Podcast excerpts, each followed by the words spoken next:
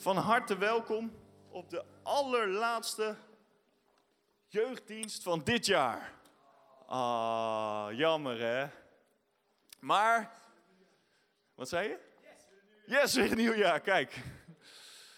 Maar, we gaan hem niet zomaar afsluiten dit jaar, 2022. We hebben een hele speciale gastspreker vanavond om 2022 knallend af te sluiten. Amen? Wie weet wat het thema is van deze maand? Je mag het roepen. De Heilige Geest en vuur. En wil je dat nu met z'n allen nog een keer zeggen en dan alsof je dat vuur al hebt? De Heilige Geest en vuur. Amen. Vanavond Heilige Geest en vuur. De Heilige Geest is niet een of ander mystiek zwevend ding ergens in de lucht. Hij is een persoon, hij is hier vanavond. En als jij met geloof hier bent om van hem te ontvangen, dan komt hij opdagen. En nou, ik voel hem al hier vanavond. Wie is er met me? Wat was de aanbidding geweldig, hè? Wie heeft er genoten? Oh, gelukkig. Ik was niet de enige. Ik hoor zelfs amen helemaal vanuit achterin. Halleluja. Maar zonder dat het nog verder oponthoud, wil ik vanavond mijn grote broer en voorbeeld Ben aankondigen. Ik wil jullie allemaal vragen zometeen mee te preken met mijn grote broer Ben. Zoals jullie dat met mij ook altijd doen, maar doe er dan nog een extra schepje bovenop. Laat je hardste amens klinken, laat je hardste dit is fire klinken en je prijst de Heer. Niet dat hij hulp nodig heeft, maar dat is gewoon leuk, weet je wel. Laten we hem lekker welkom laten voelen. Ik wil je vragen, geef een groot applaus aan mijn grote broer Ben. Ben, ga los man. Love you. Love you too. Ik ben heel onzeker, daarom moet Victor dat doen voor me. Dat jullie extra hard aan men zeggen, anders ga ik vanavond huilend naar huis. Dan moet Robert Jan me troosten. Zegt hij, ja, het was oké, het was oké. ja, zo slecht was het niet. je, hebt slechtere diensten gehad, Ben. hey, uh, superleuk om hier te mogen zijn vanavond. Wie is er uh, vol verwachting? Vol verwachting klopt mijn. Nee, Sinterklaas is al weg, maar uh, Jezus heeft mooie dingen voor ons vanavond, of niet? Amen. Hey, um, ik moest er net aan denken. New Generation Awakening. Dat zijn jullie toch? Huh? Awaken. Ja, dus je bent een new gen en je bent aan het awakenen. En ik geloof dat God iets wil doen in deze groep heen. Want als je misschien kijkt naar de mensen die voor je uit zijn gegaan, misschien mensen die al langer met de Heer wandelen en zo, weet je wel, dan denk je, oké, dat is alles wat er is. Maar misschien kun je even tegen je buurman zeggen, er is meer. Zeg het tegen je tweede favoriete buurman. Zeg even, je bent mijn tweede keus, sorry. maar hoeveel geloven dat er nog meer is? Wat God voor ons in petto heeft dan wat we gezien hebben? Twee van jullie, geweldig. Dat preek ik tegen jullie tweeën vanavond, oké? Iedereen zegt nog één keer, er. Er is meer. Yes. En het ding is met God, er is zoveel meer, maar hij doet niks bij ons dat wij, waar wij niet om vragen. God is een gentleman. Hij komt alleen binnen waar hij welkom is. En vanavond mag je hart wagenwijd openzetten en mag je de Heer laten weten, u bent welkom hier in mijn leven. U bent welkom hier in mijn hart. U bent welkom om mij op de kop te zetten, bij mijn enkels te pakken en me helemaal leeg te schudden van mezelf. Al mijn zorgen, al mijn problemen, al mijn dingen waar ik doorheen loop, al mijn onzekerheden, al mijn timiditeit, al mijn angsten, alle dingen waar ik nog uh, over pieker voor 2023. Schud het er allemaal uit, zet me dan weer op mijn voeten neer en vul me helemaal met u. En draai, schroef dan mijn hoofd er weer op, zodat ik dan 2023 in kan gaan vol van u. In plaats van vol van angst en onzekerheid en al die dingen meer. Amen. Maar daar moet je God toestemming voor geven. Want hij komt alleen doen wat wij hem toestemming en ruimte geven om te doen. God, de Heilige Geest is een gentleman. Hij staat bij de deur en hij klopt. En als iemand, binnen, als iemand open doet, komt hij binnen. En dan gaat hij dingen transformeren, gaat hij dingen veranderen. Gaat hij harten genezen, gaat hij gebroken dingen herstellen. Gaat hij je vol kracht hij gaat je vol met kracht maken, zodat je kan doen wat God je geroepen heeft te doen. En dat dit jaar, dit komende jaar, het beste jaar is dat je ooit hebt gehad. Amen. Waarom zeg je niet hardop? 2023 wordt het beste jaar dat ik ooit heb gehad. In Jezus' naam. En vandaar gaat alleen maar van glorie naar glorie. Wordt alleen maar beter. Amen. Geloof je dat? Amen. We gaan, uh, we gaan het hebben over de, de doop in de Heilige Geest en vuur. En we gaan naar Lucas hoofdstuk 3. Wie heeft er een Bijbel mee? Look at you guys. Deze, dit vak heeft geen één Bijbel. Twee Bijbels, de twee leiders. Oh, elektronische Bijbels. Oké, ook goed, ook goed. Zolang je hem leest, is die prima. Toch? Zolang je hem leest. Um, wat zeg je? Lucas 3. Tres. Rustig, rustig. Kom er zo bij, kom er zo bij. Het zijn hongerige mensen hier. Ze willen het hoofdgerecht al, terwijl ik nog met het voorgerecht bezig ben hier. Hoeveel zijn hier al gedoopt in de Heilige Geest? Je springt in tongen. Ah, oké, look at this. Ik, ik kan gaan naar huis. Oké, was gezellig. Leuke, leuke avond. wie, wie nog niet? Wie, wie spreekt er nog niet in tongentaal? Geef niks, maakt niet uit. Oké, daar, daar, daar. Top, top, top, top, top. Oké, cool, cool. Oké. Vanavond is je avond. Amen. Wie zegt, ik, heb, ik ben gedoopt in de Heilige Geest en ik spreek in tongen, maar ik, ik verlang nog wel naar een beetje meer Heilige Geest. Er is, er is niks mis met jou en mij dat een beetje meer Heilige Geest niet kan fixen. Oké? ik weet nog, ik, uh, voordat we Lucas 3 gaan lezen. Mijn broer kan, uh, ja, mijn broertje is tien jaar jonger dan ik, hè. Dus uh, ik ben tien jaar ouder en tien jaar knapper. Maar ik kreeg een hele hoop aan mensen hier, Victor. Dus uh, ik heb gezien wie het was die keer voor de volgende spel en voor de volgende dropping of zo met kamp. Kun je ze heel ver sturen. Maar um, ik groeide op in uh, hetzelfde gezin als Victor. Maar, um, maar uh, ik was altijd super verlegen. Als op school, weet je, als er iets gevraagd werd, gelijk een rode boei van een hoofd. Zelfs op de universiteit, ik durfde niks te zeggen. Ik was echt het meest verlegen jochie van de klas. Het meest verlegen jochie van de, van de unie. En zelfs toen ik naar bijbelschool ging in Amerika, was ik nog steeds super verlegen en timide en angstig. En er werd er dan van mij gevraagd om mensen over Jezus te vertellen en zo. En ik had dat verlangen wel. En ik wilde wel echt vol voor Jezus gaan. Maar uh, er waren dingen die me tegenhielden. Totdat. Iedereen zegt totdat. Heilige Geest en vuur. Zie, ik had de Heilige Geest wel ontvangen toen ik me liet, toen ik me liet dopen, dopen in water. Toen had ik de Heilige Geest ontvangen, toen begon ik in tongen te spreken en, en ik, ik ontving wat van de Heilige Geest. En dat is geweldig. Komt hij in je wonen en dan laat hij je nooit meer in de steek. En dan laat hij je nooit meer gaan. Dan, dan, dan, dan is hij altijd bij je. Hij is een beste vriend. Een vriend die dichter bij je blijft dan zelfs je broer. Amen. Mijn broer die woont helemaal in uh, Vlaardingen. Super ver. ja. Dat is mijn eigen schuld dat ik in Almere ben gaan wonen natuurlijk. In de polder. Maar de Heilige Geest, Jezus zei, hij laat je nooit in de steek. Jezus is in de hemel en Jezus kon maar op één plek tegelijk zijn. Maar Jezus zei, het is beter voor jullie dat ik wegga. Want als ik wegga, dan stuur ik de Heilige Geest. En die zal niet alleen maar met je zijn, maar die zal ook nog eens in je zijn. Die zal bij je blijven tot in eeuwigheid. Dus dat is goed nieuws. God is in jou komen wonen. Sommige mensen zeggen, ja, als ik bid, dan voel ik niet dat mijn gebeden naar de hemel komen. Mooi zo, hoeft ook niet. Ze hoeven je bellybutton niet eens voorbij. Ze hoeven je navel niet eens voorbij. Want de Heilige Geest is in je komen wonen. Zie, God, is, God de Vader is in de hemel. Jezus is aan de rechterhand van God. Maar de Heilige Geest is hier op aarde, hier en nu, al 2000 jaar lang. En hij woont in jou en hij woont in mij. Als wij gedoopt zijn in de Heilige Geest, dan woont God in jou. Moet je eens even over nadenken. De Bijbel noemt ons zonen en dochters van God. Dat maakt jou niet normaal. Zeg even, ik ben niet normaal. Veel mensen gaan dat ook tegen je zeggen. Ja, jij gaat op vrijdag, wat, welke dag is het? Op zaterdagavond ga jij naar een kerk. Dat is niet normaal. Nee, maar voor mij is dat wel normaal. Want ik ben anders dan jij. Want ik ben een zoon van God. Ik ben een dochter van God. En dat is niet eh, opschepperig bedoeld. Weet je wel, dat bedoel je niet opschepperig. Maar dat is gewoon wie je bent in Christus. Hij woont in jou. Dus als we gaan lezen over Jezus, dan is Jezus natuurlijk de zoon van God. Met de hoofdletter D en de hoofdletter Z. Uh, hij is de ultieme zoon, de eerstgeborene van de Vader. Maar hij liet ons wel zien hoe dingen moeten. Hoe, hoe we moeten leven als zonen en dochters van God. En Jezus was 100% God. En Jezus was 100% mens tegelijkertijd. En wat ik wil dat je ziet, is dat Jezus geen enkel wonder deed, geen enkele krachten deed, totdat hij gedoopt werd in de Heilige Geest. Totdat hij de Heilige Geest ontving. In Lucas hoofdstuk 3, en dat is dezelfde Heilige Geest als jij en ik ontvangen, maar Jezus had de Heilige Geest zonder mate. Dus had de volheid. Wij hebben allemaal een stukje. Daarom hebben we elkaar nodig, de kerk nodig.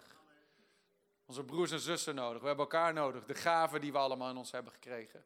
Daar, daar kunnen we elkaar mee dienen. Maar Lucas hoofdstuk 3, dan zie je Johannes de Doper in vers 16. Hoeveel kennen Johannes 3, vers 16?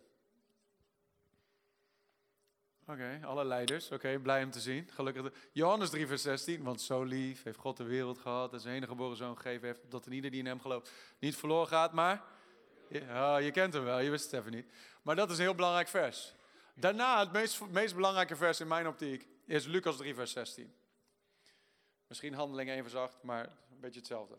Lucas 3, vers 16, daar zegt Johannes de doper, hij zegt, ik doop u wel met water. Ik doop u wel met water. maar hij komt die sterker is dan ik. Bij wie ik niet waard ben de riem van zijn sandalen los te maken. Hij zal u dopen met de Heilige Geest en met fuego. Vuur. Jij kan super goed spelen trouwens. En niet alleen mooi spelen, maar je hebt ook eh, gewoon vet gezalfd. Dus uh, gaaf om te zien. Hoe oud ben je? 16. Keep it up. Goed bezig.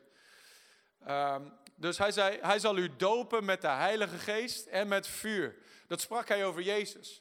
Nu een paar versen verder, vers 21. En het geschiedde toen al het volk gedoopt was, en Jezus ook gedoopt was, en aan het bidden was, dat de hemel geopend werd en dat de Heilige Geest op hem neerdaalde in lichamelijke gedaante als een duif. En er kwam een stem uit de hemel die zei, u bent mijn geliefde zoon, in u heb ik mijn welbehagen. U bent mijn geliefde zoon. Hoeveel wonderen had Jezus hier al gedaan? Tien? Vijf? Hoeveel? Nul. Wat zegt God? Je bent mijn geliefde zoon. Goed zo. Niet om wat hij deed, gewoon om wie hij was. Moet je voor jezelf ook onthouden. God houdt niet van je op basis van al de dingen die je voor hem doet. God houdt van je gewoon op basis omdat hij van je houdt. Gewoon om wie je bent. Je bent zijn zoon. Je bent zijn dochter. En niet van, oh ja, die heb ik al geadopteerd, maar dat is eigenlijk een beetje het lelijke kindje in de, in de groep, weet je wel. Ja, ik hou van je, maar je bent niet mijn favoriet. nee, je bent Gods favoriet. Zeg het hardop, ik ben Gods favoriet. Dat zijn allemaal zijn favorietjes. Amen. Ik ben Gods geliefde kind. Jij bent Gods geliefde kind. Jezus had nog geen wonderen gedaan. Maar wat wel belangrijk is om te zien, is dat hier de Heilige Geest op Jezus kwam. En daar gebeurt iets met Jezus.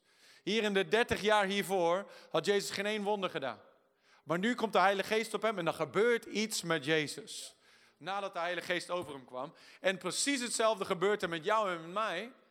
Als de Heilige Geest over jou en mij komt. In uh, Lucas 4, vers 1, het volgende hoofdstuk, eerste vers. Dus eigenlijk het, precies het volgende ding dat er gebeurt. Daar staat er, Jezus, vol van de Heilige Geest, keerde terug van de Jordaan nadat hij gedoopt werd en werd door de geest de woestijn ingeleid. Wat gebeurt er in die woestijn? Dan wordt hij 40 dagen lang verzocht door de duivel. Nu is hij niet aan het strijden tegen de duivel in zijn eigen kracht, maar nu met de kracht van de Heilige Geest erachter. Maar niet alleen met de kracht van de Heilige Geest, maar ook met de kracht van Gods woord. En, eh, en de duivel komt elke keer met leugens. Hè? Oh, als je echt Gods zoon bent, hij valt hem aan op zijn identiteit. Maar wat heeft God al gesproken? God heeft al gezegd, je bent mijn geliefde zoon. Maakt niet uit wat de duivel tegen je zegt. Je bent mijn geliefde zoon, ik heb mijn welbehagen in jou. Dus je, je identiteit is niet gebaseerd op wat de duivel allemaal te zeggen heeft, of wat de wereld allemaal te zeggen heeft, of welke leugen er op je afkomt. Je, je identiteit is gebaseerd op wat God over jou te zeggen heeft, of wat de Bijbel over jou te zeggen heeft. Jij bent Gods geliefde kind. Jij bent Gods geliefde zoon en Gods geliefde dochter. En als de vijand komt om te liegen, hier aan het einde van het jaar of begin 2023, oh, heb je dit weer gedaan? Ben je weer niet naar de kerk gegaan? Heb je weer niet genoeg zielen gewonnen? Heb je weer niet goed genoeg je Bijbel gelezen? Heb je weer niet gebeden vandaag? Heb je weer niet leraar uitgescholden omdat hij zo'n ontzettende piep is?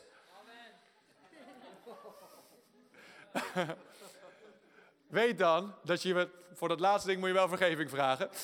Maar je bent nog wel steeds Gods geliefde kind. En hoe, hoe overwon Jezus de vijand wanneer de vijand kwam liegen tegen hem? Hoeveel weten dat? Drie keer wat? Het staat geschreven. Het staat geschreven. Het staat geschreven. Elke keer weer. Elke keer als de vijand kwam liegen, kwam Jezus met de waarheid. Daarom is het zo belangrijk dat jij het woord induikt voor jezelf. Dat jij de waarheid als een soort uh, uh, firewall, weet je wel, om zo'n virusscanner, om het zo maar te zeggen. Dat als de leugen binnenkomt, dat alle alarmbellen afgaan. Eh, eh, eh, leugens. Toch? Je moet de waarheid in je hebben. Dus Jezus had de waarheid in hem en hij overwon de vijand met het woord van God. En dan moet je opletten hier in vers 14. Waar ben ik gebleven? 4 vers 14. Lucas 4 vers 14. Ah, in vers 1 stond er, Jezus was vol van de Heilige Geest. Maar nu gebeurt er nog iets. Vers 14, en Jezus keerde door de kracht. Je zou kunnen zeggen, in de Engelse vertaling staat er in de kracht. En Jezus keerde in de kracht van de Geest terug naar Galilea. En het gerucht over hem verspreidde zich door heel de omgeving. En hij gaf onderwijs in hun synagogen. En hij werd door allen geprezen. En hij kwam in Nazareth, waar hij opgevoed was, en ging naar zijn gewoonte op de dag van de Sabbat naar de synagoge. Jezus ging gewoon op zondag naar de kerk. Dat was zijn gewoonte en dat moeten jij en ik ook doen. Amen. En hij stond op om te lezen en aan hem werd het boek van de profeet Jezaja gegeven. En toen hij het boek open gedaan had, vond hij de plaats waar geschreven stond. De geest van de Heere is op mij, omdat hij mij gezalfd heeft. En hij heeft mij gezonden om aan armen het evangelie te verkondigen, om te genezen die gebroken van hart zijn, om gevangenen vrijlating te preken, prediken en, en aan blinden het gezichtsvermogen. Om verslagenen weg te zenden in vrijheid en om het jaar van het welbagen van de Heer te prediken. En toen hij het boek dicht gedaan had en aan het dienaar teruggegeven had, ging hij zitten. En de ogen van allen in de synagoge waren op hem gevestigd. En hij begon tegen hen te zeggen, vandaag, heden, is deze schrift in uw oren in vervulling gegaan. Amen. Dus wat je hier ziet gebeuren, is Jezus wordt gedoopt in de Jordaan en de Heilige Geest komt over hem. Dan, is hij vol van de Heilige Geest. En dan heeft hij een strijd met de vijand. En doordat hij eigenlijk volwassen is geworden in het woord, eh, heeft hij een overwinning daar. En door die overwinning zie je, hij keert terug in de kracht van de Geest. En dat is wat Jezus ook voor jou en mij hebt. De kracht van de Heilige Geest. Daar wil ik het eigenlijk over hebben vandaag. En eigenlijk wat Jezus zegt, direct nadat hij terugkomt en terugkeert in de kracht van de Heilige Geest, komt hij bij de stad waar hij opgegroeid is. En dan gaat de kerk binnen en hij zegt daar, ik wil die boekrol van Jezaja. En hij vindt die plek in Jezaja 61 waar dit stukje staat. Is niet toevallig dat stukje dat Jezus pakt. De eerste preek die Jezus geeft in zijn vaderstad. Waar preekt hij over? De geest van de Heer is op mij. De Heilige Geest is op mij. Ik ben gezalfd met de kracht van de Heilige Geest om dingen te doen. Zie, dat is het eerste dat hij predikt. En ook het laatste wat hij tegen zijn discipelen zegt. In Handelingen 1 verzacht. Dat is ook zo'n tekst die je uit je hoofd moet leren eigenlijk. Handelingen 1 verzacht, vlak voordat Jezus naar de hemel opvaart in een wolk. Hij is opgevaren in een wolk en hij komt terug met een wolk. Heel binnenkort. Kun je maar beter klaar voor zijn. Amen. Maar voordat hij op, op, opvaart in een wolk, zegt hij dit tegen zijn discipelen. Handelingen 1 verzacht. Hij zegt, wacht hier in Jeruzalem nu zult de kracht van de Heilige Geest ontvangen die over u komen zal. Iedereen zegt kracht. De kracht van de Heilige Geest ontvangen. En u zult mijn getuige zijn in Jeruzalem, Judea, Samaria en tot het einde van de aarde. Tot de uiterste der aarde. Hij zegt, die kracht Eigenlijk, hij zegt hier in Lucas 4, zei hij, ik heb kracht van de Heilige Geest ontvangen om gebroken harten te genezen. Om gevangenen, die, die mensen die door de duivel gevangen zijn gehouden, om ze te bevrijden. Om zieken te genezen. Om te prediken dat woord van God. Om goed nieuws te verkondigen aan heel de wereld. Ik heb kracht gekregen om, om, om de werken van de vijand kapot te maken. Om het licht te laten schijnen. Je kunt dat niet doen door, door je eigen kracht, dat moet je doen door de kracht van de Heilige Geest. Jezus deed dat ons ter voorbeeld. Maar hij zei, aan het einde van zijn wedloop zei hij: hey, die kracht waar ik in wandelde, die maak ik ook beschikbaar voor jou. En hij laat zijn kerk achter met kracht. Hij laat zijn discipelen achter met machtige kracht. Als je kijkt naar Petrus, vlak voordat Jezus aan het kruis gaat, Petrus voor de doop in de Heilige Geest en vuur. Petrus, weet je wel, die had uh, een paar goede momenten, maar ook heel veel slechte momenten. Goed moment was, wie zeggen de mensen dat ik ben, Petrus? Oh, u bent Jezus Christus, de Zoon van de levende God. U bent de Messias. En Jezus zegt, wauw Petrus, goed gedaan man. Drie versen later. Bestaf Petrus Jezus. Ja, u moet niet aan het kruis gaan, dat is niet Gods plan voor u. En Jezus draait zich om zo, met, met Petrus naar zijn rug en zegt, ga achter mij Satan. Petrus die stond er zo, oh man, ik had net zo'n mooi compliment en nu ben ik de Satan. Lekker dan. ik was helemaal hier, nu ben ik helemaal hier. dus Petrus had zo'n momenten. Zijn ergste moment was de dag dat Jezus gekruisigd werd. Jezus, eigenlijk, Petrus, Johannes en Jacobus waren zijn drie meest, zijn closest friends, weet je wel, die waren het meest dichtbij. En Jezus had hun keihard nodig op dat moment dat, dat hij voor Pilatus stond. En Jezus werd in zijn gezicht gespuugd en zijn baard werd uitgetrokken en hij werd geslagen, werd bespot en al die dingen meer. En Petrus stond vlakbij. Maar er waren mensen die zeiden van, hé, hey, hey, ben je ook een christen? Ga je ook naar Nehemia Youth? Nee, ik ik ken Victor niet, ik ken hem niet. Blok ben ik nog nooit geweest, nog nooit van gehoord. Nee, ik ken het niet. ze, ze vroegen aan Petrus van, nee, ben je ook geen Galilea? Ken je, was je ook niet met Jezus? Hij zei, nee, nee, ik ken hem niet. Ik, heb nooit van gehoord. Ik hoor er niet bij hoor. Uit angst voor een paar mensen verloochende hij Jezus. Hij wilde wel zo graag voor Jezus leven, maar daar had de kracht er niet voor. Als het puntje bij paaltje kwam, dan had hij de kracht er niet voor. En heel vaak zien we dat bij onszelf ook. Als we niet de kracht van de Heilige Geest hebben, dat we wel Jezus willen dienen, maar dat we tekortschieten in onze eigen kracht. Dat het een beetje een zondagschristendom wordt. Dat we op zondag wel ons best doen, maar de rest van de week is er weinig van te zien. Dat als we met mensen in contact komen die ziek zijn of gebroken zijn of verloren zijn, dat we niet de kracht hebben om ze over de streep te trekken eh, het licht in. Dat we niet het verschil kunnen maken waarvan we weten dat God wil dat we die maken in deze wereld. Het goede nieuws is dat we niet op dat niveau hoeven te blijven, maar dat, hij, dat God ons naar het niveau van de Heilige Geest wil brengen. Waarin we de kracht hebben om een verschil te maken in deze wereld. Amen. Wie wil zijn leven laten tellen hier op aarde? Dat je niet gewoon een beetje hier als een zombie zo door het leven heen gaat van, oh ja, ik ben naar school gegaan, ik heb een carrière gehad, ik heb 40 jaar voor iemand anders gewerkt, nu heb ik een pensioen, dan ga ik dood en dan zien we wel weer. Er is meer. Er is meer. Je bent bestemd voor grotere dingen dan dat. Je bent bestemd om een verschil te maken hier in deze generatie. A new generation awaken. Een nieuwe generatie die opstaat. Die opstaat, die zijn licht laat schijnen in deze wereld. De wereld, de Bijbel zegt dat heel de wereld steunt en zoekt. Op zoek naar het openbaar worden van de zonen en de dochters van God. Ik geloof dat ik hier kijk naar een heel stel zonen en dochters van God die aan het opstaan zijn, die aan het schijnen zijn, die niet blijven zitten in het normale van deze wereld, maar die gaan stappen in het nieuwe normaal van de Heilige Geest. Die gaan wandelen in de kracht van de Heilige Geest. Die, gaan, die, die, die, die de zieken de handen op gaan leggen, die demonen uit gaan drijven, die, die, die vrijmoedig het evangelie durven prediken, waar ze ook maar gaan. Mensen die zich het evangelie niet schamen, die het niet uitmaakt hoe ze eruit zien. Niet omdat zij zo gek zijn, maar God gebruikt het dwaze van deze wereld om het wijze te beschamen. Omdat er een kracht in ze is. Dat als zij hun mond opentrekken, dat, daar, dat er iets gebeurt in de harten van de hoorders. Petrus, die, die verlogende Jezus, een paar weken later is hij in een bovenkamer op de Pinksterdag. En er gebeurt iets op die Pinksterdag. Jezus had gezegd, wacht hier, dan zul je kracht ontvangen, man. Ik weet dat je niet kan op je eigen kracht. Daarom dat heb ik ook nooit bestemd voor jou om dat te doen. Je moet de kracht van de Heilige Geest hebben. En die ga ik aan jou geven. Die ga ik uitstorten over de hele gemeente. Niet aan één of twee superpredikers. Aan ieder lid van het lichaam. Jong en oud.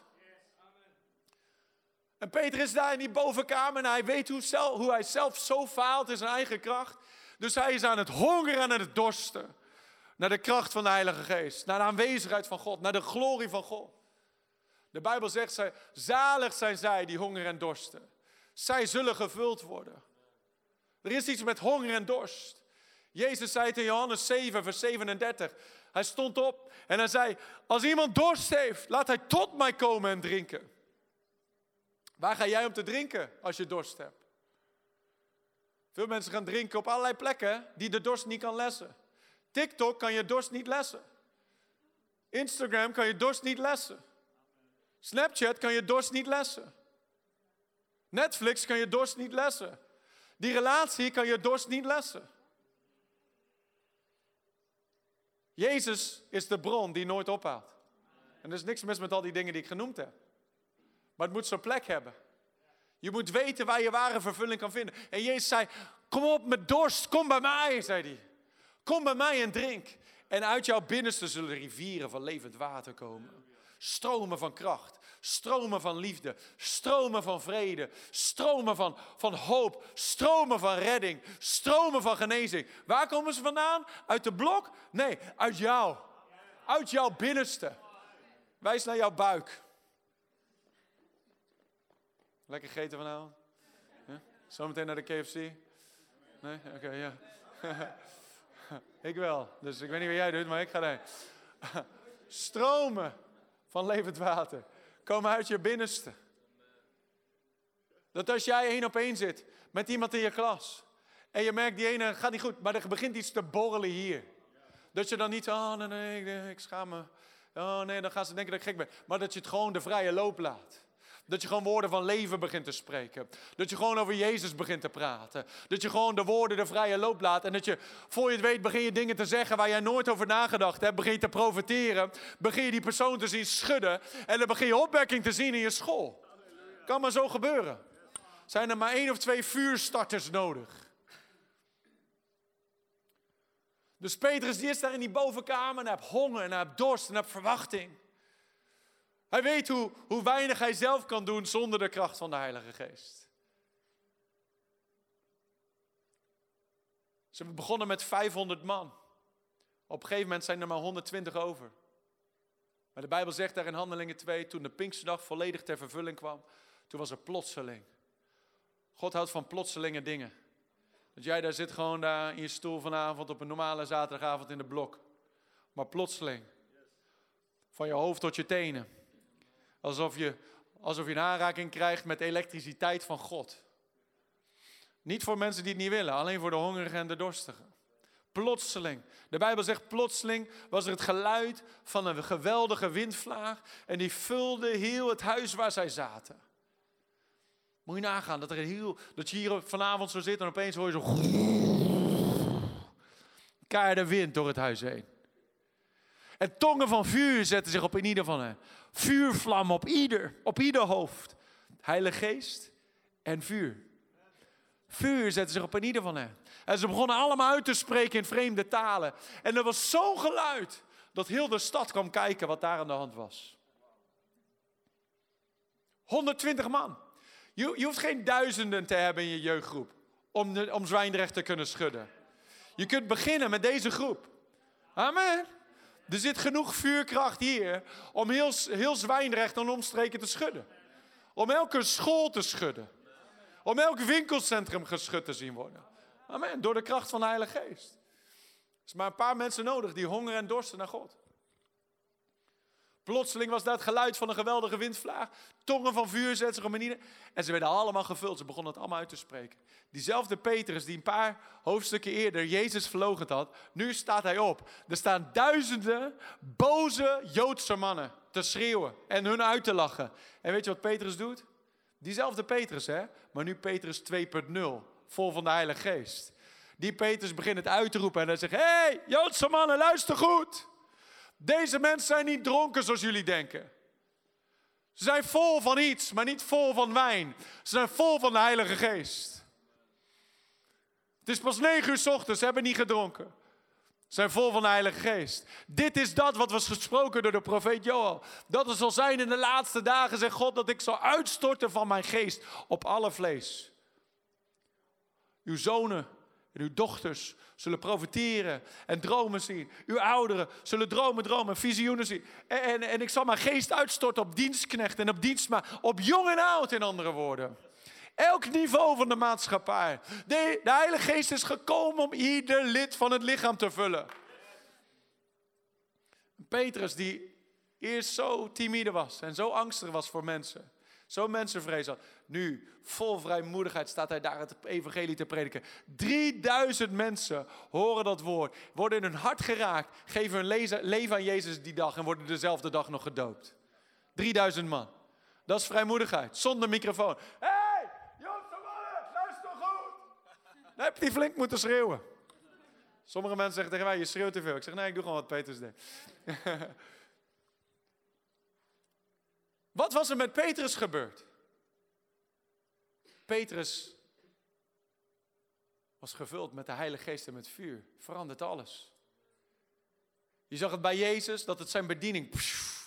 Wonderen en tekenen beginnen te gebeuren nadat hij gedoopt wordt in de geest. De kracht van de geest over hem heen komt. Je ziet het bij Petrus. Je ziet het bij Paulus. Je ziet transformatie na transformatie. In Handelingen 19 is een verhaal. Er komt Paulus aan in Efeze. En hij vindt daar twaalf discipelen. De, de hele kerk is twaalf mensen. En het eerste wat hij hun vraagt is niet: hey, ben je door onze discipelschapscursus heen gegaan? Hij vroeg dan ook niet van: hey, ken je al de, de, de boeken van de Bijbel uit je hoofd? Hij zei: hey, wat, uh, wat betekent de antichrist en het beest van openbaringen? Nee, weet je welke vraag hij aan ze stelt? Heeft u de Heilige Geest ontvangen toen u tot geloof kwam? Eerste vraag. Meest belangrijke ding voor de apostel Paulus. Heb je de Heilige Geest? Don't leave home without him. Ga het huis niet uit zonder de Heilige Geest. Heb je de Heilige Geest ontvangen? En weet je wat ze zeiden? Ze zeiden, wij wisten niet eens dat er een Heilige Geest was. En ze oké, okay, nou, we werken aan de winkel hier. Wat voor kerk is dit? Geen Pinksterkerk, dat zeker. ze zeiden, ze zeiden, hij zei, waarin ben je gedoopt dan? En ze zei, in de doop van Johannes. Oh, je bent een baptist. Je kent alleen de doop. Oké, is goed. Dus hij, doopt ze, hij ze opnieuw. En, en, en hij legt ze de handen op en ze worden allemaal gevuld met de Heilige Geest. Fout grapje? Nee, oké. We houden van de baptisten. Zij mag ook de Heilige Geest ontvangen. Zo, en dan worden ze mensen. Halleluja. Dus uh, hij legt ze de handen op, alle twaalf, en ze worden allemaal gevuld met de Heilige Geest. Ze, worden, uh, ze, worden, ze beginnen allemaal te profiteren. Van die twaalf Twaalf mannen gedoopt in de Heilige Geest, plus Paulus. Weet je wat er gebeurt? Twee jaar later heeft heel Azië het woord van Jezus gehoord. In twee jaar tijd een hele machtige regio die allemaal het evangelie heeft gehoord. Vanaf twaalf man. Wat kunnen twaalf mensen vol van de Heilige Geest doen? Amen. Twaalf mensen vol. Niet twaalf mensen met een druppeltje.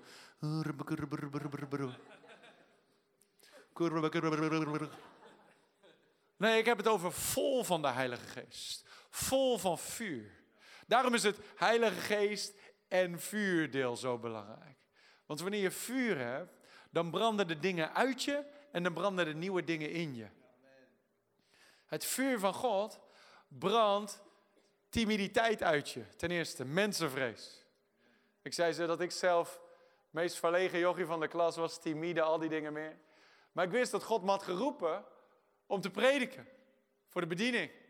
Maar het is een beetje lastig prediken als je niet eens met één persoon durft te praten. Zou ik hier zo staan? Um, lieve mensen. Ehm. Dus ik begon te hongeren en te dorsten naar de Heilige Geest, naar de kracht, naar het vuur van God. In mei 2008 kwam dat vuur over mij en het veranderde mijn hele leven. Ik werd van het een op het andere moment getransformeerd. En dat werd later zichtbaar. Ik voelde me nog hetzelfde, ik leek nog hetzelfde, al die dingen meer. Maar later werd het zichtbaar dat als ik begon te prediken of oog in oog kwam te staan met mensen die Jezus nog niet kenden, dat er een vrijmoedigheid over me heen kwam en dat rivieren en stromen uit mijn binnenste komen. Nu heb ik zeer regelmatig dat mensen zeggen: Hoe weet jij die dingen? Elke keer als je preekt, preek je dingen die precies wat ik nodig had, of precies waar ik vragen over had, of precies wat ik moest horen, dat, daar spreek je over. Heb jij camera's bij mij in huis of zo? Ik zeg, nee, ik ben geen uh, freaky big brother of zo, weet je. Big brother is watching you. nee, maar gewoon de Heilige Geest. Ik weet niet wat jij aan het doen bent, maar hij wel. En hij weet precies wat mensen nodig hebben. Maar het is toch geweldig dat, dat, dat gewone mensen gebruikt kunnen worden door God. Ik was... Uh, ik was een keer in een dienst. Nee, ik was een keer in. Laat ik deze beginnen. Ik was een keer in Dordrecht. Uh, om te evangeliseren. En ik liep daar. Ik, we hadden geparkeerd, mijn vrouw en ik. En we liepen daar de stad in. En voordat je dan de stad in komt, moet je over zo'n stenen bruggetje heen. Over zo'n gracht heen. Zo'n klein grachtje. En er zat een jonge gast. Die zat daar op dat bruggetje. Die zat zo op dat bruggetje uh, een jointje te roken. En ik voelde gelijk in mijn hart om naar hem toe te lopen. En hem over Jezus te vertellen. Dus ik liep zo naar hem toe. En ik zei, hey, weet je dat God van jou, dat hij geweldig plan voor je leven heeft? En hij zo met dat jointje zo een beetje luisteren. En op een gegeven moment begon ik het woord met hem te delen en hij, hij legt dat ding neer naast zich. En hij zit te luisteren. En voordat we het wisten, uh, hief hij zijn handen omhoog en gaf hij zijn leven aan Jezus. Op dat muurtje. En ik was, ik was enthousiast, deze jongen was zo open. En ik zei, hey, God heeft nog een geschenk voor jou. Eerste geschenk heb je al ontvangen, eeuwig leven. Maar God heeft nog een geschenk. Hij wil je dopen met zijn heilige geest. En de jongen zei, ja, wat is dat dan? Ik zei, nou, dat is een geschenk van God. En ik leg het een beetje uit, weet je wel. En het is kracht om, om ook dat christenleven te wandelen, zodat je die troep niet, niet meer nodig hebt. God heeft een betere haai voor jou dan de haai van de drugs. Wil je dat? Zegt hij ja. Ik zeg, hef je handen nog één keer omhoog. Dus hij sluit je ogen, dan ga ik je de handen opleggen en dan ga je gevuld worden. Oh, kan dat dan? Hij is nog niet door de discipels. Ja, dat kan. Amen. Lees de Bijbel er maar op na. Lees handelingen er maar op na. Dus hij heeft zijn handen omhoog op dat, op, dat, op dat muurtje. En ik leg hem zo heel rustig. Sommige predikers die duwen, hè, zo. Dat deed ik niet. Ik leg hem gewoon rustig de handen op. Dus voor mij ook gewoon een stap in geloof, weet je wel. Ik, ik, ben dit tegen, met hem aan het delen, maar ik, zit zelf mijn hoofd, zegt zelf ook tegen mij van, ja, ga dat nu hier op straat lopen doen? Dus ik leg hem zo rustig de handen op. Terwijl ik dat doe, hij schiet naar achter en hij schiet weer naar voren. Zijn ogen waren zo groot als een cartoon, weet je wel. Zo. En hij zegt tegen mij, wat was dat? Ik zeg, dat is de kracht van de Heilige Geest. Hij, hij pleurde bijna dat grachtje in achter. We hadden geen vangers daar staan, weet je wel. Wat was dat? Ik zeg, vanaf vandaag ga je die kracht niet meer, ga je die, ga je die peuk niet meer nodig hebben, want God heeft iets beters voor jou. Amen. Um, dat is de kracht van de Heilige Geest. En dat is niet alleen voor predikers. Dat is niet, voor, dat is niet alleen voor zondag. Dat is niet alleen voor een dienst. Dat is voor elke dag van de week. Dat is voor jou.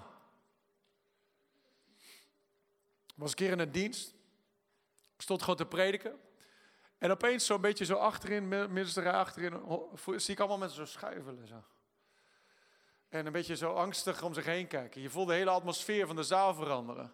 Ik dacht, wat is hier nou aan de hand? En toen sprak ik nog in het, toen sprak, ik sprak daar in het Engels en ik had een vertaler naast mij. En die vertaler die zei, het lijkt wel een spookhuis hier, zei hij zo. en uh, toen, uh, ik liep zo rond zo, ik, ik, loop altijd een beetje zoals ik preek en ik voelde wel dat er is, er is iets aan de hand, maar ik weet niet wat. Op een gegeven moment wist ik het, want uit die rij kwam er een jonge dame, uh, die kwam op de, op de knieën zo, kwam ze zo uit haar uh, gang, zo, uit haar rij kwam ze zo geschoven. En die kwam zo heel langzaam, tergend langzaam naar voren zo. Zij bewoog zelf niks, maar ze bewoog wel naar voren. Creepy. Oké, als je ooit creepy dingen hebt gezien, dit was creepy.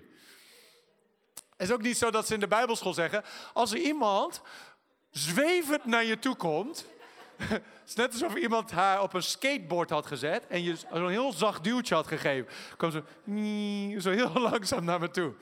Creepy as can be. De haren zo over de hoofd. Zo. Het was echt gewoon alsof ik een of andere horrorfilm aan het kijken was. En ik stond te prediken en ik zei, oké, wat hebben ze hierover gezegd in de bijbelschool? Ja, helemaal niks. Dus ik zei, heer, wat moet ik doen? En ik wist precies wat ik moest doen. Kracht van de Heilige Geest. Jezus zei in Lucas 10, vers 19, hij zei, ik geef u kracht om op slangen en op schorpioenen te treden en over de gehele lege macht van de vijand. En niks zal je enig kwaad doen. In andere woorden, elke duivel en elke demon is onder je voeten.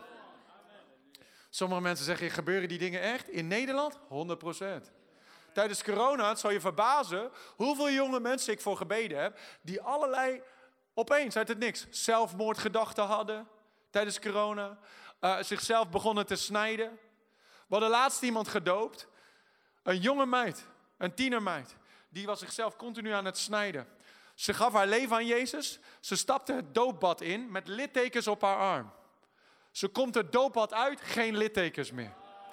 Halleluja, dat is de kracht van de Heilige Geest. Vrijgezet. Maar in ieder geval, je verwacht in spanning af dit verhaal. Dus die meid die komt zo tergend langzaam. Ik wist gelijk in mijn hart, je moet wachten tot zij helemaal hier naar jou is toegekomen. Jezus liet die demonen ook gewoon naar hem toekomen en toen gooide hij ze eruit. Nou, wacht hier tot ze naar jou toe komt en dan bestraft die demon. Dus zij kwam helemaal zo, en toen ze hier vooraan kwam, kwam ze, kwam zo langzaam uit het, uh, ding opgeklommen zo. zo. en toen, zei, toen dacht ik, oké, nu, nu, nu kom je bij mijn Bijbel, dan moet je vanaf blijven. Met je vieze klauw. dus toen zei ik, in de naam van Jezus. Met vrijmoedigheid, met autoriteit, met de, met de kracht van de heiligheid. Ze klapt naar achter, krijsend, wordt vrijgezet. En toen, toen zei ik, oké jongens, neem me maar mee naar achter. Dus ze hebben hem mee naar achter genomen. Toen ze daar op een stoel gaan zitten. Gewoon helemaal stil nu opeens, zei toen zei ik, oké jongens, iedereen, want dan heb je in de zaal heb je een beetje een probleem natuurlijk. Iedereen zit nou zo, oké, wat doen we nu? Toen zei ik, iedereen hef je handen omhoog en richt je ogen op Jezus. Alle focus op Jezus. En toen een poosje gewoon Jezus aanbeden, een moment. En toen zei ik, oké, ieder oog gesloten, ieder hoofd gebogen. Als je hier in deze zaal bent, je kent Jezus niet, dan kun je maar beter je huis gevuld hebben. en ik kan je vertellen, als er demonen uitgeworpen worden in een dienst, dan heb je een hele goede altarcall. dan heb je heel veel mensen die opeens hun leven aan Jezus willen geven. Zo oh man, dit is, uh, mijn leven staat niet recht met God. Ik kan maar beter zeker zorgen dat mijn huis gevuld wordt. Weet je wie er ook in die altarcall kwam om haar leven aan Jezus te geven? Die jonge dame. Die, niet hier, mensen gaan achter. Die jonge dame die, die zo naar voren was gekomen, die, uh, die, die kwam, die gaf haar leven aan Jezus. Die dag werd ze bevrijd. Ze gaf haar leven aan Jezus. Ze werd gedoopt in de Heilige Geest. En ze heeft ingeschreven voor de Bijbelschool. Nu heeft ze twee jaar Bijbelschool gedaan. En als ik haar voor jou, aan jou zou voorstellen vandaag, zou jij niet denken dat zij ooit maar ook maar iets had gedaan. Maar die vrouw die had, was door allemaal hekserij heen gegaan en vloeken over zich heen gekregen en al die dingen meer. En de duivel had haar gewoon gebonden. Maar de kracht van de Heilige Geest. Iemand die jarenlang gebonden zat, werd door één aanraking van God volledig vrij. Amen. En dat kan jou, daarvoor kan God jou ook voor gebruiken. Ik was een keer in Brabant, in een dienst. En de Heer gaf me Psalm, uh, Jesaja 61 op mijn hart om over te prediken die dag. Maar ik was ongehoorzaam en ik preekte over iets anders, want ik had een andere preek voorbereid. En had ik uren aan gewerkt. Ik dacht, ja, Jezaja 61, dat kan ik wel lezen, maar dan wat? Weet je wel, wat moet ik dan zeggen? dus uh, ik heb geleerd sinds die dag om gewoon de Heilige Geest te volgen erin. Maar goed, dus ik, ik was ongehoorzaam en als je ooit preekt, eh, of ooit een keer een moment hebt dat je ongehoorzaam bent aan God, dat is zo'n rotgevoel. Dat is net alsof je in bad gaat met je sokken aan. Zo, oh, dat klopt iets niet hier, dit is gewoon fout. Dus ik liep die dienst uit van, oh man. En God deed wel dingen, God, God is. Maar, maar het was niet wat, wat, wat ik had verwacht. En ik liep die dienst uit en ik stond met die voorganger te praten. Dan komt een jonge dame naar, naar ons toe en die zegt van, hey, kan ik nog even voor gebed? En wij zeiden, is goed. En toen opeens kwam Jezaja 61 weer naar boven. En er staat dat hij mensen lofgewaad geeft in plaats van een benauwde geest, een kwijnende geest, een zware geest. Die meid ook, toen het moment dat dat naar boven kwam, zei ik, hey, jij loopt rond met een, met een bezwaardheid, met een zware last. Je bent depressief. Je ziet het leven niet meer zitten. En vandaag wil de, wil de Heer je nieuwe vreugde geven. De Bijbel zegt, hij, hij zalft je hoofd met olie en je beker stroomt over, je hart stroomt over van nieuwe vreugde. En ik bad voor haar, legde haar hand op. Ze viel naar de grond, begon te huilen, begon te lachen en daarna niet meer gezien. Twee jaar later kwam ik terug op die, in die kerk. Kwam er een jonge vrouw naar me toe met een, met, met een man. Met een jonge vent. Ze zei, hey, ken je me nog? Ik zeg, nee, geen idee wie je bent. Sorry. en uh, ik weet amper mijn broertjesnaam. nee, grapje. en ze zegt van, ik ben die vrouw, waar die meid waar je toen twee jaar geleden voor gebeden hebt. Ik had zo'n benauwde geest, bezwaarde geest en zware lasten. En zei, die dag is mijn leven getransformeerd. Ik kreeg vreugde. Ik ben toen gaan dienen in de kerk. En, en ik heb deze man ontmoet. Wij, gaan, wij zijn nu verloofd, wij gaan trouwen. Nu laatst uh, kwam ik daar en zij is gewoon een pilaar in dat huis geworden. Maar dat meid, die, die als, als, als de vijand zijn kans had gehad, had, had haar, had, was haar leven gewoon geroofd geweest. Zoveel jonge lui lopen rond met leugens, met gedachten. Dat zie je echt gebeuren in deze tijd, in deze generatie. In de, in de tijd waarin we zoveel social media hebben, zoveel connectie hebben, dat mensen zich meer eenzaam voelen dan ooit. Het is een raadsel. Maar mensen zijn geïsoleerd, mensen voelen zich eenzaam, mensen voelen zich leeg. En ik, ik geloof echt dat de hele scholen en hele universiteiten vol zitten met jonge mensen die helemaal leeg zijn van binnen. hopeloos zijn van binnen. Niet vervuld zijn van binnen. Maar God heeft jou daar als een, als een secret agent, maar misschien niet zo secret. Als een, als een agent van, van verandering, als een, als een drager van transformatie, als een ambassadeur van het Koninkrijk van God, om daar het licht van Jezus Christus te brengen. En ik weet dat velen van jullie dat verlangen hebben, maar, maar hoe ga je dat doen zonder de kracht van de Heilige Geest? Dan is het menselijk plannen, dan is het mooie verhaaltjes, dan is het we gaan ons best doen, maar we weten niet zo precies wat. Maar als de Heilige Geest je in de fik zet, als de benzine van de, van de Heilige Geest over je heen komt en een engel een lucifer aansteekt en ja, van je top tot teen in vuur en vlam zet, dan gebeurt er iets. Dan gaan mensen zien aan jou, er is iets met jou. Er is iets, aan, er is iets met jou. Er is iets met je stem. Er is iets met jouw ogen. Er is iets met jouw aanraking. Er is iets met jou. Ik zie, ik zie iets in jou. Jij bent anders. De wereld is niet op zoek naar mooie TED-talks. En mooie praatjes en perfecte christenen. De wereld is op zoek naar echte mensen. Jonge mannen, jonge vrouwen, jonge zonen, dochters Gods. Die gaan staan in de kracht van de Heilige Geest. En vrijmoedig durven, durven beleiden wie Jezus Christus is. En vrijmoedig durven staan voor wat ze geloven. Gaat een verschil maken. We hebben de kracht van de Heilige Geest nodig.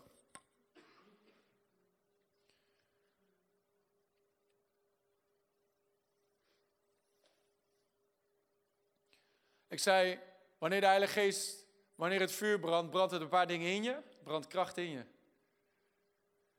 Brandt vrijmoedigheid in je. Je zou misschien de meest verlegen persoon zijn, maar als je vuur ontvangt.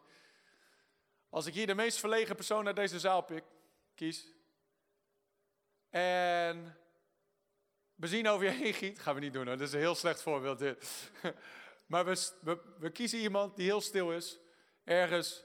En we zetten ze in de fik. Denk je dat ze heel stil zo staan? Mm, het is een beetje heet. Hoe, hoe, hoe, is het met je? Ja, warm. Het is een beetje warm. Hoe zou je je temperatuur beschrijven? Ja, het is wel een tikje heter dan normaal, ja.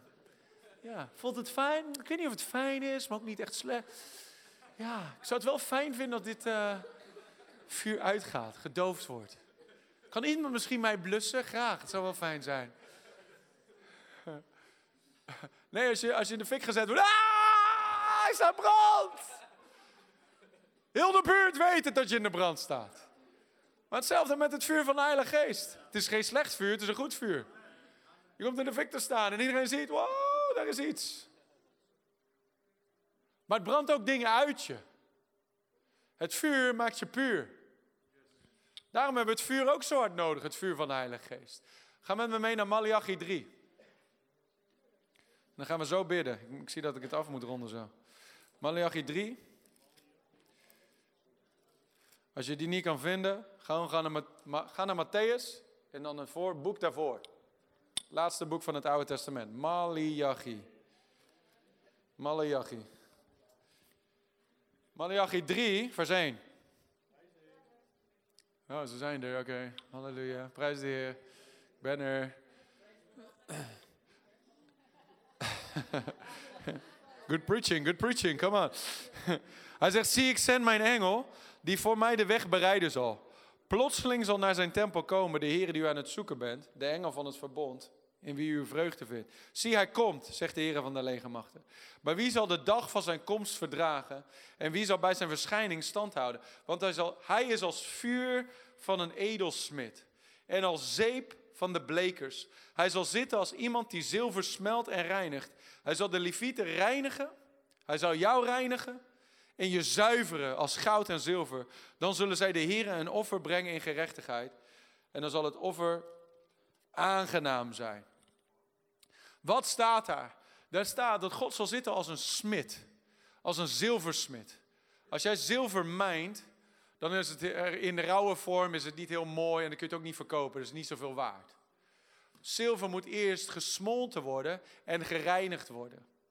En God zegt dat hij zal zitten als een smid, als een zilversmid, die ons reinigt. Hoe doet zo'n smid dat? Zo'n smid neemt een bakje van dat zilver en zet dat boven vuur. Het vuur smelt dat zilver Dan wordt dat zilver vloeibaar. Als het vloeibaar wordt, komen alle onreinheden naar boven. Die smid die neemt een schepje en die schept al die onreinheden eruit. Al die dingen die in dat zilver zaten, maar die door, de, door, door het vuur naar boven komen. Die haalt hij allemaal eruit. En dat doet hij keer op keer op keer, totdat hij in dat vloeibare zilver zijn eigen aangezicht kan zien. Dan weet hij, het is puur, het is rein, wanneer hij zijn evenbeeld daarin ziet. Dat is wat Jezus doet met jou en met mij. Het vuur brandt iets uit ons, maar het vuur, het vuur brandt iets in ons, maar het vuur brandt ook iets uit ons. Het reinigt ons. Het vuur maakt je puur. Het vuur, wanneer je gedoopt wordt in de Heilige Geest en vuur, dan komen alle dingen die daar zaten, die daar niet thuis horen, die komen naar boven. Niet zodat God je beschaamt, maar zodat God het weg kan halen. Zodat je niet meer rondloopt met lust. Zodat je niet meer rondloopt met onreinheid. Zodat je niet meer rondloopt met bitterheid of onvergevingsgezindheid. Of met aanstoot of met woede over wat je aangedaan hebt. Dat al die dingen eruit gebrand worden. Zodat je kan staan, rein en puur, met vrijmoedigheid. Dat niks meer je, je, je vuur als een natte deken dooft. Dat je zo in de fik komt te staan, dat waar het vuur is, dan gaan alle kakkerlakken en alle ratten gaan wegrennen. Dus al die onreine dingen die voorheen gewoon binnen konden komen, en die voorheen een grip op je leven konden houden. Nu, nu, nu, nu kan dat niet meer, omdat, omdat, het, omdat het vuur te heet brandt. Mijn, schoonbroer die heeft een paar jaar, is die in Zuid-Afrika, is die daar, uh, uh, heeft hij daar een jeugdgroep geleid. En hij is daar ook in de bush geweest, op zo'n safari-ding. En in de bush had hij geleerd dat, in de bush bush, burgers bush. Op safari had hij geleerd dat ze heb je allemaal wilde dieren daar en dan gingen ze s'nachts gewoon buiten slapen. Maar ze zeiden daar, die, die, die gids, die zei, we gaan een vuur bouwen, voordat het donker wordt, vuur bouwen. En dan gaan we dicht bij dat vuur slapen, om dat vuur heen. En zolang je in, dat, in het licht van dat vuur blijft, dan, dan ben je oké. Dan, dan komen de wilde dieren niet. Dus wat zij deden, zij bouwden dat vuur. Het vuur geeft je warmte, maar het vuur geeft je ook bescherming. Dus ze sliepen daar rond dat vuur. Maar allemaal bosjes eromheen in de duisternis. En dan kun je soms de ogen zelfs zien van die wilde dieren. Die te, zitten te loeren. Ze, zijn, ze hebben interesse in dat vuur. Ze worden aangetrokken naar het licht van dat vuur. Maar ze durven er niet, niet dichtbij te komen. Dus als jij dicht bij dat vuur blijft, ben je oké. Maar als jij even gaat plassen in de bosjes, dan ben je sjaak. Je moet, je moet me even eh, volhouden tot uh, volgende ochtend of zo. Ik weet niet wat je moet doen in de bush in Afrika. Maar het moraal van het verhaal is: blijf bij dat vuur. Blijf in dat vuur. Hij zal u dopen. Dat betekent niet een, niet een dopen zoals op splash. Gewoon een paar druppeltjes. Nee, hij zal je dopen. Hij zal je onderdompelen. Hij zal je doordrenken met de Heilige Geest en met vuur. Hij zal je zo doordrenken in de rivier van zijn vuur, dat als je eruit komt, dat je helemaal in de fik staat. En dan weten de wilde dieren de Bijbel zegt, de vijand gaat rond als een brullende leeuw op zoek wie hij mag verslinden. Maar als hij jou ziet, dan weet hij, bij jou kan hij dat niet doen. Omdat je zo in, de, in vuur en vlam staat voor Jezus. Hij weet, daar kan ik niet bij komen. Daar kan ik niet in de buurt komen. Als hij probeert te, te schieten met een vurige pijl van lust of onreinheid, onvergevingsgezindheid, bitterheid, aanstoot, wat dan ook. Wat hij ook maar op je afschiet, kan bij jou niet komen. Paulus die ging een vuur maken op het eiland Malta. En, en, en hij verzamelde takken. En toen hij die takken, één tak leek op een tak, maar het was een slang. Toen hij het in het vuur wierp, kwam die tak snel dat vuur uit. Het vuur was te heet voor die slang. En die slang die beet zich vast aan zijn arm. Weet je wat Paulus ermee deed? Hij schudde het gewoon af en dan gooide het weer het vuur in. Dat is wat je moet doen met de aanvallen van de vijand. Dat is wat, moet, wat je moet doen met de verleidingen van de vijand. Shake it off. Gooi dat vuur in.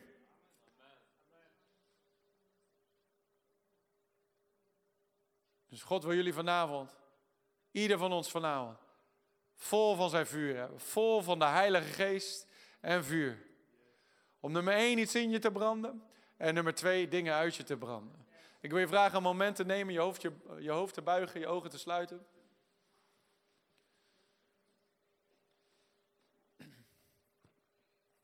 Ik wil gewoon vragen dat je een moment neemt en gewoon met de Heer praat zelf.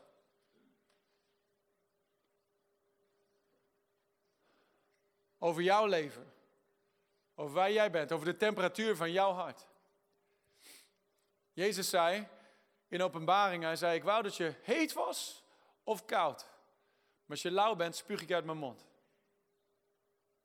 In andere woorden, hij heeft geen boodschap aan lauwheid. Hij wil dat we of on fire zijn, of gewoon helemaal niks. Je hebt al je keuze gemaakt. Helemaal niks is niet jouw ding. Je wil bij Jezus horen. Maar als je dan toch bij Jezus hoort, dan mag jij kiezen. Wat voor christen ga je zijn? Ga je normale 21ste eeuw westerse christen zijn, die gewoon op zondag naar de kerk gaat, zijn dingetjes doet? Of ga je een on-fire, radicale boekhandelingen christen zijn, die zieken de hand oplegt, die het evangelie deelt met andere mensen, die, die demonen uitdrijft. Eh, eh, een christen waar de duivel bang voor is, in andere woorden. Ik geloof dat ik een hele groep mensen, jonge lui heb zitten hier vandaag. Die in die tweede categorie willen zitten. Die, willen, die zeggen van ik wil on fire zijn. Ik wil in vuur vlam leven voor Jezus. Ik wil mijn leven laten tellen voor de eeuwigheid. Ik wil een impact maken op mijn generatie. En ik weet dat ik het niet zelf kan. Ik moet het, ik moet het vuur van God hebben. Ik moet de doop in de Heilige Geest met vuur hebben. Het goede nieuws is, vandaag gaat de Heer rond en hij wil het geven aan alle die hongeren en alle die dorsten. ik wil je gewoon vragen, daar in je stoel, vraag de Heer, vraag de Heer. Vraag de Heer, gewoon op je plek. Oh Heer, begin, gewoon begin te vragen, Heer, vul mij. Heer, zet mij in vuur en vlam. Heer, ik wil, ik wil dat, Heer, waar Ben het over heeft vanavond. Dat wil ik hebben, Heer. Daar wil ik in wandelen, Heer. Ik wil deze plek niet verlaten zoals ik gekomen ben, Heer. Zet me vuur en vlam voor u, Heer. Ik wil zelf getuigenissen hebben van, van, van zieken die genezen. Van het evangelie dat gepredikt wordt. En van de, de werken die ik ook in de Bijbel zie. Die wil ik ook doen, Heer. En, en ik wil niet wachten tot ik 35 ben. Ik wil nu erin stappen, Heer. Begin gewoon met de Heer erover te praten vanavond.